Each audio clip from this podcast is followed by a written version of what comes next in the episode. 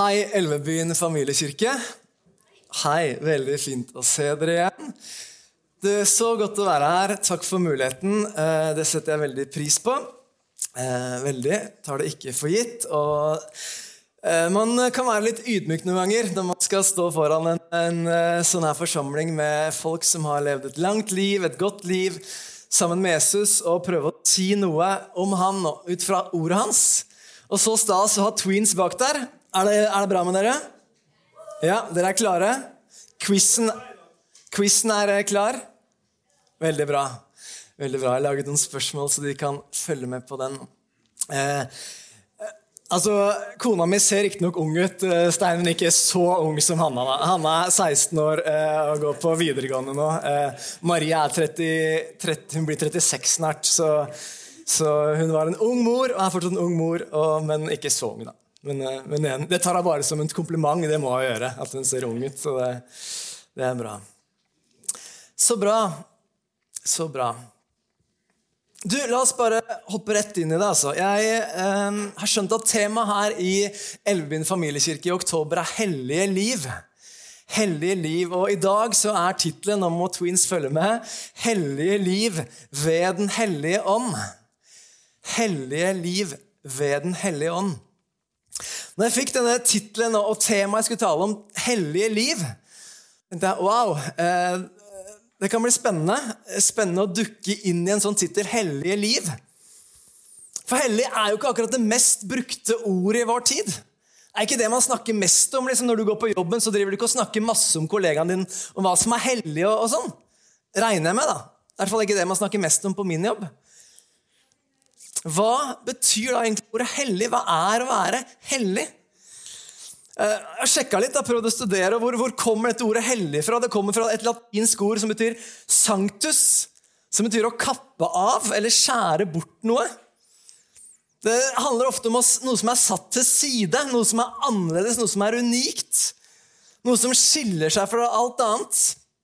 Ofte så tenker vi på en helligdag. Søndag er en helligdag, og da sier vi at den er satt av for å bruke til Guds hus, å, som er satt til side for å prioritere noe spesielt. Så hellig er noe som er satt til side, eller noe annerledes, noe unikt. Så skal vi dukke inn i en bibeltekst her før vi ber en bønn sammen. Peter skriver noe i 1. Peters brev, kapittel 1, vers 15. 1. Peters brev, kapittel 1, vers 15, så skriver Peter. Han som kalte dere, er hellig. Slik skal også dere være hellige i all deres ferd. For det står skrevet, dere skal være hellige, for jeg er hellig. Her refererer Peter til, til Mosebøkene. Han som kalte dere, er hellig. Slik skal også dere være hellige i all deres ferd. For det står skrevet, dere skal være hellige, for jeg er hellig. Jesus Kristus, takk for at du er her. Takk for at du er til stede ved Din Hellige Ånd, og takk at du vil snakke inn til oss i dag. Om vi er, 10 år eller om vi er 90 år, så takker jeg deg for at du ønsker å snakke inn i livet vårt. Takk at du elsker oss, du bryr deg om oss, og du, du vil være nær hver eneste en av oss, Jesus. Og vi inviterer deg nå til å snakke. Vi inviterer deg til å snakke inn i livet vårt. og Jeg ber om at vi skal lytte sånn som disipler lytter, og at vi kan ha ører som, som, hører hva du sier til oss, Jesus. Og jeg ber om at du hjelper meg å formidle ordet ditt, sånn som bare du kan hjelpe meg. Og så ber jeg at uh, du hjelper oss å lytte. Takk for at du er til stede, og det er det som er hele forskjellen, at du er her ved ditt nærvær. Vi takker deg for det i Jesu navn. Amen. Amen. Det er lett å skjønne at Gud er hellig. Det er lett å skjønne at Gud er satt til side. Det er lett å skjønne at Gud er noe unikt, at han er, at han er spesielt, han er opphøyd over alle navn som vi sang her i stad. Det er veldig lett å skjønne. Han har jo skapt himmel og jord. Men så sier Peter til meg, da Han sier til deg dere skal være hellige i all deres ferd. Fordi at Gud, som har skapt dere, er hellig, så skal dere være hellige. Uh, det er vel lett å tenke og se på seg sjøl og tenke Skal jeg være hellig? Jeg kjenner meg jo sjøl. Jeg regner med at du kjenner deg sjøl også. Det er ikke alltid jeg kjenner at å, jeg er så innmari hellig. så tror jeg ikke at vi skal gjøre det heller, for Bibelen sier noe om de som er veldig hovmodige og mener at de er så satt over alle andre. Men Peter sier at dere skal være hellige, dere skal ligne på Gud. Gud er hellig, og dere skal være hellige. De første kristne ble jo kalt kristne fordi de ligna på Kristus, var like som Kristus i måten å leve på. Og det å leve et hellig liv hvis vi å leve et liv som ligner på det livet Jesus levde. Og la meg understreke noe først som sist. Et hellig liv starter ikke med å ta seg sammen og prøve å få det til. Jeg tror jeg virkelig ikke det gjør. Hellig liv starter ikke med å se på meg sjøl, men et hellig liv starter med å se på Han som er hellig. Et hellig liv starter med å se på Han som er hellig. Bare, jeg er nødt til å ta det litt back to basic, bare fordi vi har så stor aldersgruppe her. Men når du og jeg tar imot Jesus, så får vi det som heter rettferdiggjørelse. Vi er rettferdiggjort. Vi er gjort helt rettferdige gjennom Jesu død på korset. Der sona Jesus all verdens synd. Alt det du og jeg har gjort gærent, det som skilte oss fra Gud, det har Jesus tatt på seg. Han har sona alt verdens synd, og vi er gjort rettferdige. Vi er rettferdiggjort. Og rettferdiggjort, det er du. Finish, det er gjort ferdig. Det er ikke noe å gjøre med videre. Du er rettferdiggjort. Men når du er rettferdiggjort, så kommer det som heter helliggjørelsen. Det å bli gjort hellig. Og det er en prosess. Det er ikke sånn at smack, så plutselig så var du hellig, egentlig, men det å bli gjort hellig, helliggjørelsen, er en prosess som går over en tid. Og Vi leste fra første Peters brev i stad. Eh, når jeg ba og forberedte meg til, til, i dag, så tenkte jeg hvordan skal jeg snakke om det å være hellige? Hvordan skal jeg snakke om å leve et hellig liv? Hvordan kan jeg få til det sånn at det faktisk kan bety noe i livet vårt. At det ikke bare blir noen ord fra en bibeltekst, og så var det flott og fint, og vi hadde en fint møte. Men alltid når jeg preker, så tror jeg at Guds ord det er til hverdagen vår. Det handler om livet vårt. Så når Jesus sier, når Peter, når Jesus sier gjennom Peter i 1. Peters brev her, dere skal være hellige, så sier han i all deres ferd. Så handler det om at noe med livet våre. Handler om at det skal skje noe med livet vårt i all vår ferd. Så jeg hadde lyst til at vi skal gjøre i dag litt, jeg hadde lyst til at vi skal sjekke på en kar fra Bibelen en som jeg tenker, Han må jo være innmari hellig, for han har jo skrevet litt i Bibelen. Han heter Peter. Han skrev dette bibelverset her.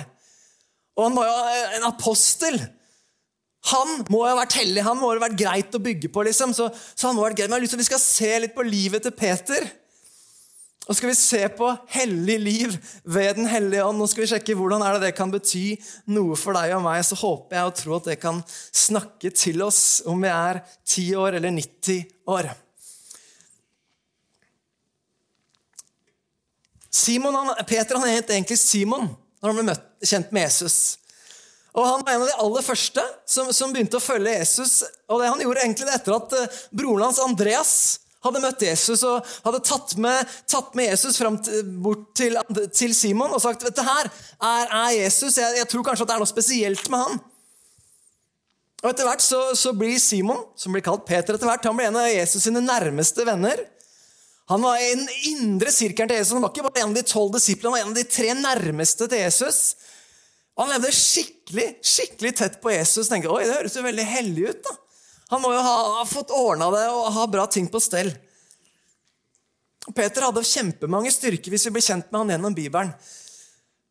Men han var, han var kjempeentusiastisk, han var viljesterk. Han var også kanskje veldig veldig sånn spontan noen ganger og gjorde en del dumme ting i livet sitt som gjorde at han endte opp med noen sånne feiltrinn som jeg tror vi også kan lære av. Skal jeg ta frem noen punkter sammen. Jeg er jo lærer, for jeg liker å ha noen punkter, så du kanskje har noe å huske. Og Punkt nummer én er at Jesus så ting i Peter som han ikke så selv. Jesus så ting i Peter som han ikke så selv. Vi skal lese sammen fra Johannes evangelium kapittel 1 av vers 42. Johannes 1, 42, så står det følgende. Så førte han Simon til Jesus. Jesus så på han og sa, 'Du er Simon, sønn av Johannes. Du skal hete Kefas.' Det er det samme som Peter. Og Peter betyr klippe. Du er Simon, sønn av Johannes. Du skal hete Kefas. Det er det samme som Peter. Jeg sa akkurat at dette punktet handler om at Jesus så noe i Peter som han ikke så sjøl. For navnet Simon, det betydde jo siv. Og det Jesus sa til Simon, du skal ikke lenger hete Simon, du skal hete Peter. Og Peter betyr klippe. Siv det bøyer av for alt mulig rart. Det bøyer av for vinden. Er det noe som blåser på det, så bøyer sivet seg ned. Mens Peter, det er en klippe. Så Jesus han ser at vet du, Peter, du er ikke en som skal bøye deg ned etter alt mulig. Du skal være en klippe. Du skal være en som bygger min menighet.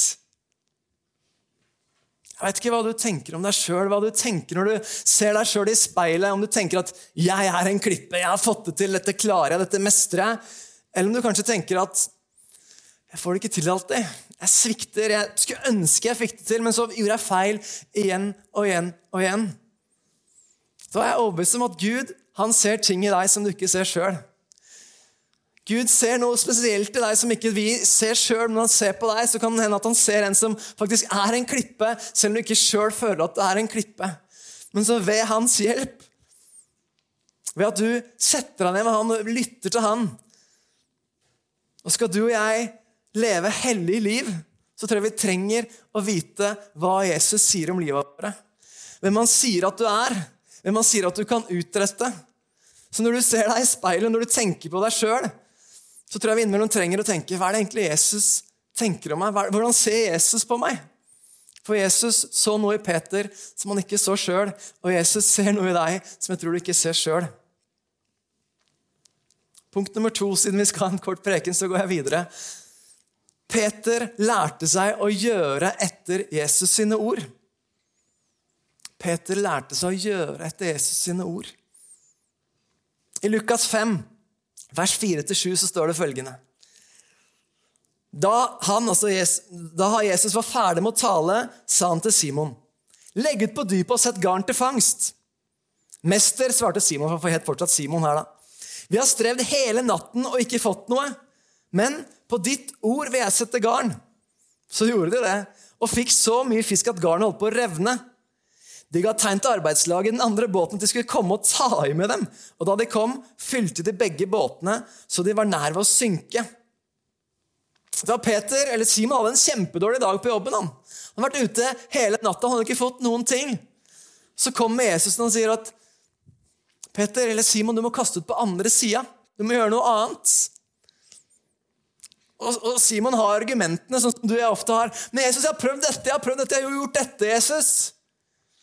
Men så sier Jesus, noe, Peter noe som er viktig. På ditt ord så har jeg tenkt å kaste ut de garna.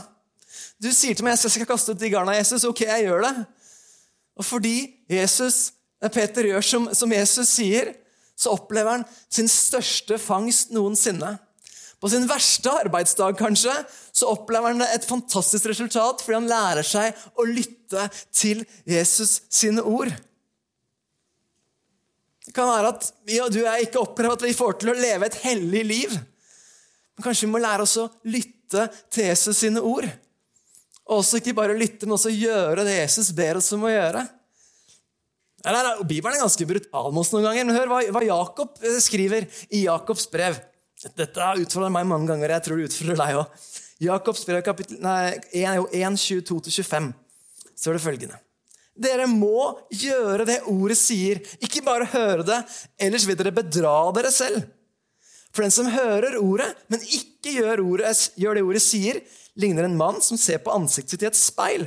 Han ser på det, går sin vei og glemmer straks hvordan han så ut. Men den som ser inn i frihetens fullkomne lov og fortsetter med det, blir ikke en glemsom hører, men en gjerningens gjører. Et slikt menneske skal være lykkelig i sin gjerning. Vet du hva? Bibelen utfordrer oss på ikke bare lese ord, ikke bare komme på, en, på et møte og høre ordet. Den sier dere må gjøre det ordet sier. Når, han du, når Jesus snakker til oss, så utfordrer han lytt til meg. Gjør det jeg ber deg gjøre. Følg meg, sier Jesus. Så kan det koste oss litt noen ganger. Kan, kan koste oss litt en gang. Så vet du hva, Jesus? Jeg har tenkt å følge deg. Jeg har lyst til å følge deg med livet mitt. Skal du og jeg leve hellige liv? så trenger vi å gjøre det ordet sier til oss. Så trenger vi å lytte. Så trenger vi å si, 'Jesus, hva har du å si til meg i dag?' Jeg vil lytte til deg. Jeg vil gjøre det ordet ditt sier. Punkt nummer tre. Peter så på Jesus når omstendighetene raste. Jeg leser en bibeltekst til fra Matteus evangelium. Matteus 14 skal vi lese 25-33. Det er en fantastisk historie, egentlig, eh, hvor, hvor disiplene er ute på, på båten, og, og, og, Jesus han eh, eh, jeg, leser, jeg leser det. Matteus 14, 25-33. Men i den fjerde nattevakt kom han til dem gående på sjøen. Da disiplene fikk se ham der han gikk på vannet, ble de skrekkslagne. Naturlig nok. Plutselig går en mann på vannet. Det er et gjenferd, sa de, og skrek av angst. Men det samme talte Jesus til dem. Vær ved godt mot deg, jeg, vær ikke redde. Så det er jo lett å si, men De ble jo skremt, selvfølgelig. Men vær ved godt mot deg, jeg, vær ikke redde. Da sa Peter til ham, Herre Sånn, Peter er spontan. Sånn, hvem som helst hadde ikke gjort det som Peter gjorde. Det var mange andre i båten, men det er Peter som gjorde det. Herre, er det deg? Så si at jeg skal komme til deg på vannet. Kom, sa Jesus. Peter steg ut av båten og gikk på vannet bort til Jesus. Da han så hvor hardt det blåste, ble han redd. Han begynte å synke og ropte, 'Herre, berg meg!' Straks rakte Jesus hånden ut og grep fatt i ham og sa, 'Du lite troende, hvorfor tvilte du?' Så steg de opp i båten, og vinden stilnet. Men de som var i båten, tilba ham og sa, 'Du er i sannhet Guds sønn'. Det er mye fantastisk med denne historien, her, men Peter fikk lov å gå på vannet rett og slett fordi han han sa som Jesus sa. Jesus sa 'kom', og Peter begynte å gå på vannet.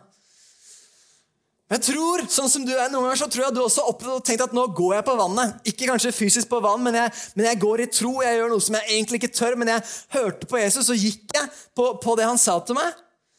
Men så begynner omstendighetene noen ganger å rase. Jeg har opplevd det mange ganger i livet at når jeg har gjort det Jesus har bedt meg om å gjøre, så jeg kjente at livet kan begynne å rase rundt meg, så kan det begynne å utfordre å komme. For Jesus har ikke lovt noen av oss som følger Jesus, at vi skal ha et problemfritt liv. Han har ikke lovt oss det. Han har lovt han skal være med oss alle dager. Men hva er, det, hva, er det, hva er, det, Peter måtte gjøre? For han måtte se på Jesus. Hva er, det, hva er det Peter gjør for noe? Herre, berg meg! Berg meg, Jesus! Jeg holder på å synke her. Så Peter måtte løfte blikket sitt. og Det står ingenting om det i den teksten, men jeg tror at når Jesus kommer og drar Peter opp, så tror jeg de gikk bort sammen på vannet. Det velger jeg å tro. Jeg tror at, at Jesus eh, tok Peter ved sida av seg, så gikk de bort til båten igjen, opp i vannet, opp fra, opp fra vannet, opp i båten. Sammen. Men se på Jesus når omstendighetene raser.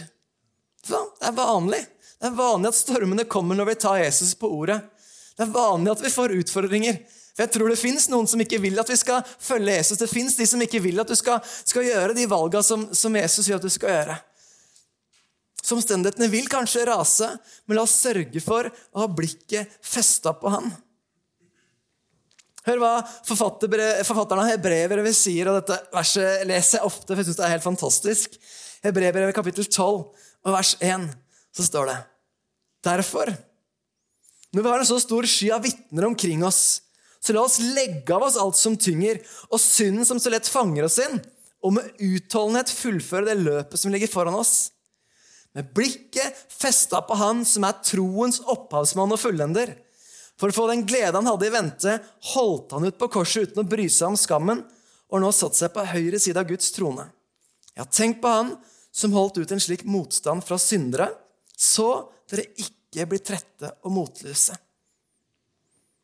Jeg sa i stad at et hellig liv starter med å se på Han som er hellig. Og det fortsetter tror jeg, med å fortsette å se på Han som er hellig, og gjøre sånn som hebreerbrevet sier her, med blikket festa på Jesus. Med blikket festa på Jesus, med blikket festa på Jesus, så tror jeg jeg igjen trenger å løfte blikket mitt. Tror jeg jeg trenger igjen å sette meg ned sammen med Jesus og, og bli helliggjort mer og mer hellig. Jeg tror jeg sa det en gang før at tror min viktigste oppgave som en som forkynner Guds ord vet du hva jeg tror det er? En ting er å forkynne Guds ord her, men det er å lære deg og meg å gå hjem og lese Bibelen og sette oss ned aleine sammen med Jesus. Er det én ting som kommer til å hjelpe deg og meg i vår helliggjørelsesprosess, Det er at vi leser ordet vårt sjøl hjemme. Det er at vi setter oss ned sammen med han. Jeg tror jeg har sagt, brukt dette bildet en gang før her, men jeg, eh, det jeg ofte gjør når jeg snakker med folk som har fått lov til å møte Jesus, så prøver jeg ikke først og fremst å dra pe pekefingeren og si at dette og dette og dette og dette kan du ikke gjøre når du tror på Jesus. Det første jeg prøver å gjøre, er å si vet du hva? Sånn er det Jesus. Sett deg ned med Jesus. Les i Bibelen. Fyll deg med ordet hans. Jeg er overbevist om en ting, at setter jeg meg i solveggen når det er sol ute, så blir jeg brun. Og Setter du deg ned sammen med Jesus og lar hans ord fylle deg, så kan vi ikke unngå å bli mer lik han. Vi kan ikke unngå å bli forma lik han hvis vi sørger for å ha hjertet vårt som vet hva, Jesus? Kom, jeg vil. Kom, jeg vil. Og Det leder oss til det fjerde punktet og det siste punktet som vi også skal bruke litt tid på. For Peter ble fylt av Den hellige ånd og fikk ny kraft. Peter ble fylt av Den hellige ånd og fikk ny kraft. Hellig liv ved Den hellige ånd. Apostlenes gjerning, kapittel 2 og vers 1-4. Da pinsedagen kom, var alle samlet på ett sted. Plutselig lød det fra himmelen som når en kraftig vind blåser, og lyden fylte hele huset hvor de satt. Tunger som av ild viste seg for dem, delte seg og satte seg på hver enkelt en av dem. Da ble de alle fylt av Den hellige ånd, og det begynte å tale på andre språk ettersom Ånden ga dem å forkynne. Hvis vi leser litt historien før her, så, så har jo Jesus dødd på korset.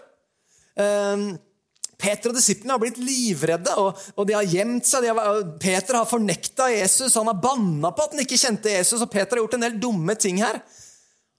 Så Peter har liksom, virkelig han har banna på tre ganger at han, at han ikke kjente Jesus.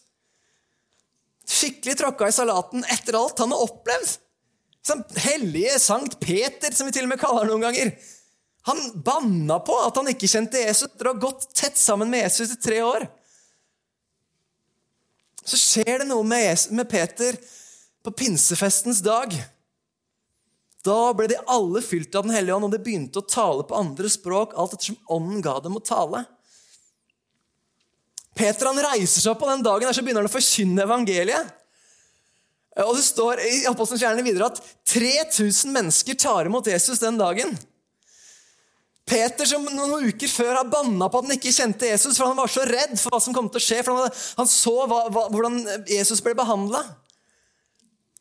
Men han får møte Han blir fylt av Den hellige ånd, og så får ny kraft. Den hellige ånd ble den store forskjellen i Peters liv. Og Den hellige ånd er den store forskjellen i deg, ditt og mitt liv. Skal vi leve hellige liv, så trenger vi Den hellige ånds hjelp. Vi trenger hjelp til å lytte til Jesus sine ord. Vi trenger hjelp til å sette oss ned og lese Bibelen og spørre hva er det du sier til meg i dag, Jesus? Hva er det du vil snakke til inn, inn i livet mitt i dag? Hvordan er det du vil bruke meg i dag?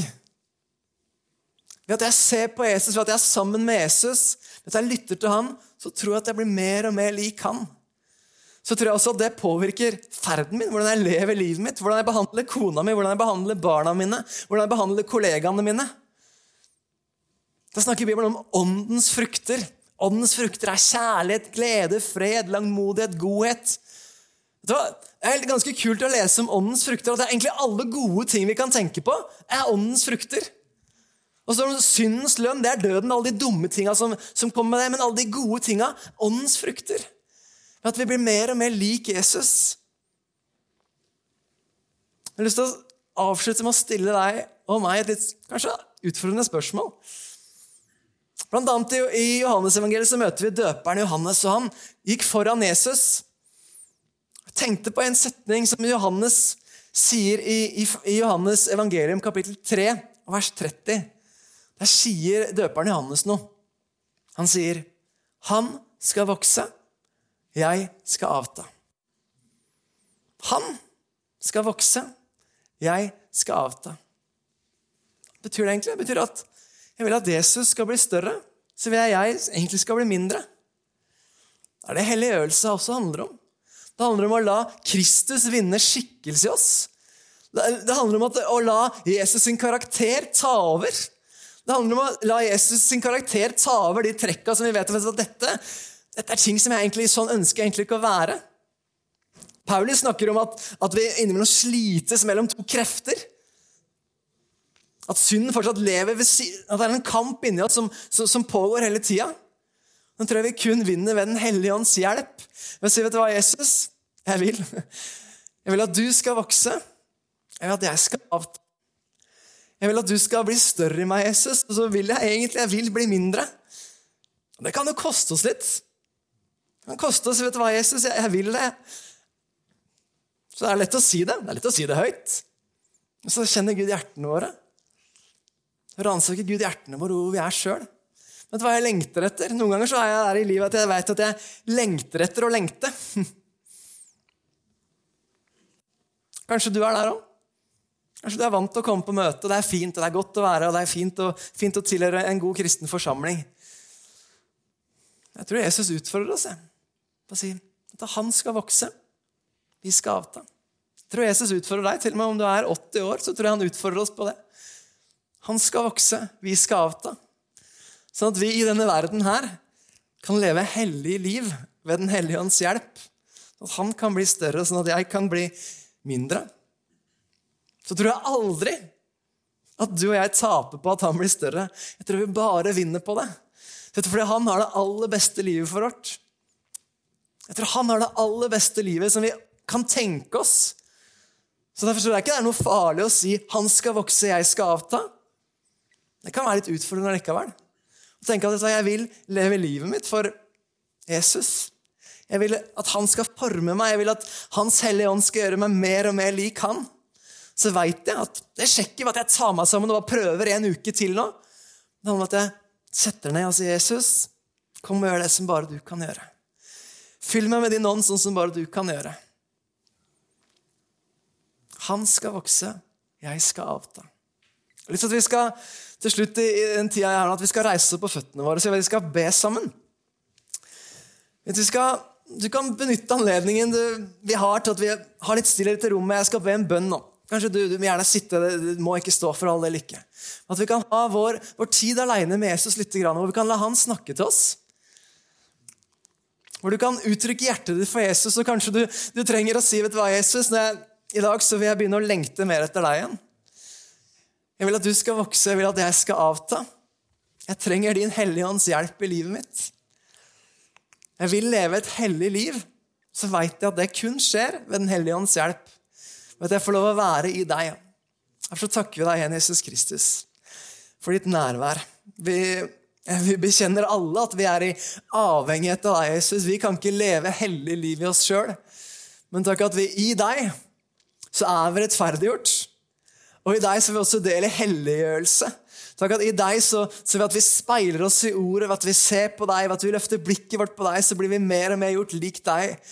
Så kan vi bli hellige i all vår ferd ved at vi ligner på deg, fordi vi har fått speile oss i ditt ord. Vi har fått se hvem du er. og Takk for at du hjelper oss å senke skuldrene helt. Du hjelper oss å, å ikke ta oss sammen, hjelper oss å gi opp og gi alt til deg, Jesus. Hjelp oss å tørre å si at du skal vokse, og vi skal avta. Jeg ber Jesus om at vi skal være hellige i all vår ferd, sånn som du er hellig. Sånn at vi kan vise folk i byen vår hvem du er. Sånn at vi kan vise dem din godhet, din kjærlighet, din omsorg. Jeg ber Jesus om å, å, få se åndens frukter florere blant oss, Jesus. Jeg ber om å få se kjærlighet, langmodighet, godhet. Takk, Jesus, for at du er her, og vi gir deg all ære for hva du gjør i denne forsamlingen nå, og hva du skal gjøre gjennom høsten og det, og det året som kommer. Vi, vi ber Jesus for, for, byen vår. Vi ber for alle de som fins i denne byen, som, som, ikke kjenner deg. Vi ber at de skal se deg, Jesus. Vi ber om å få være med på, være med på å være noen av de som, som håver inn folk og viser folk hvem du er, Jesus. I Jesu navn. Amen.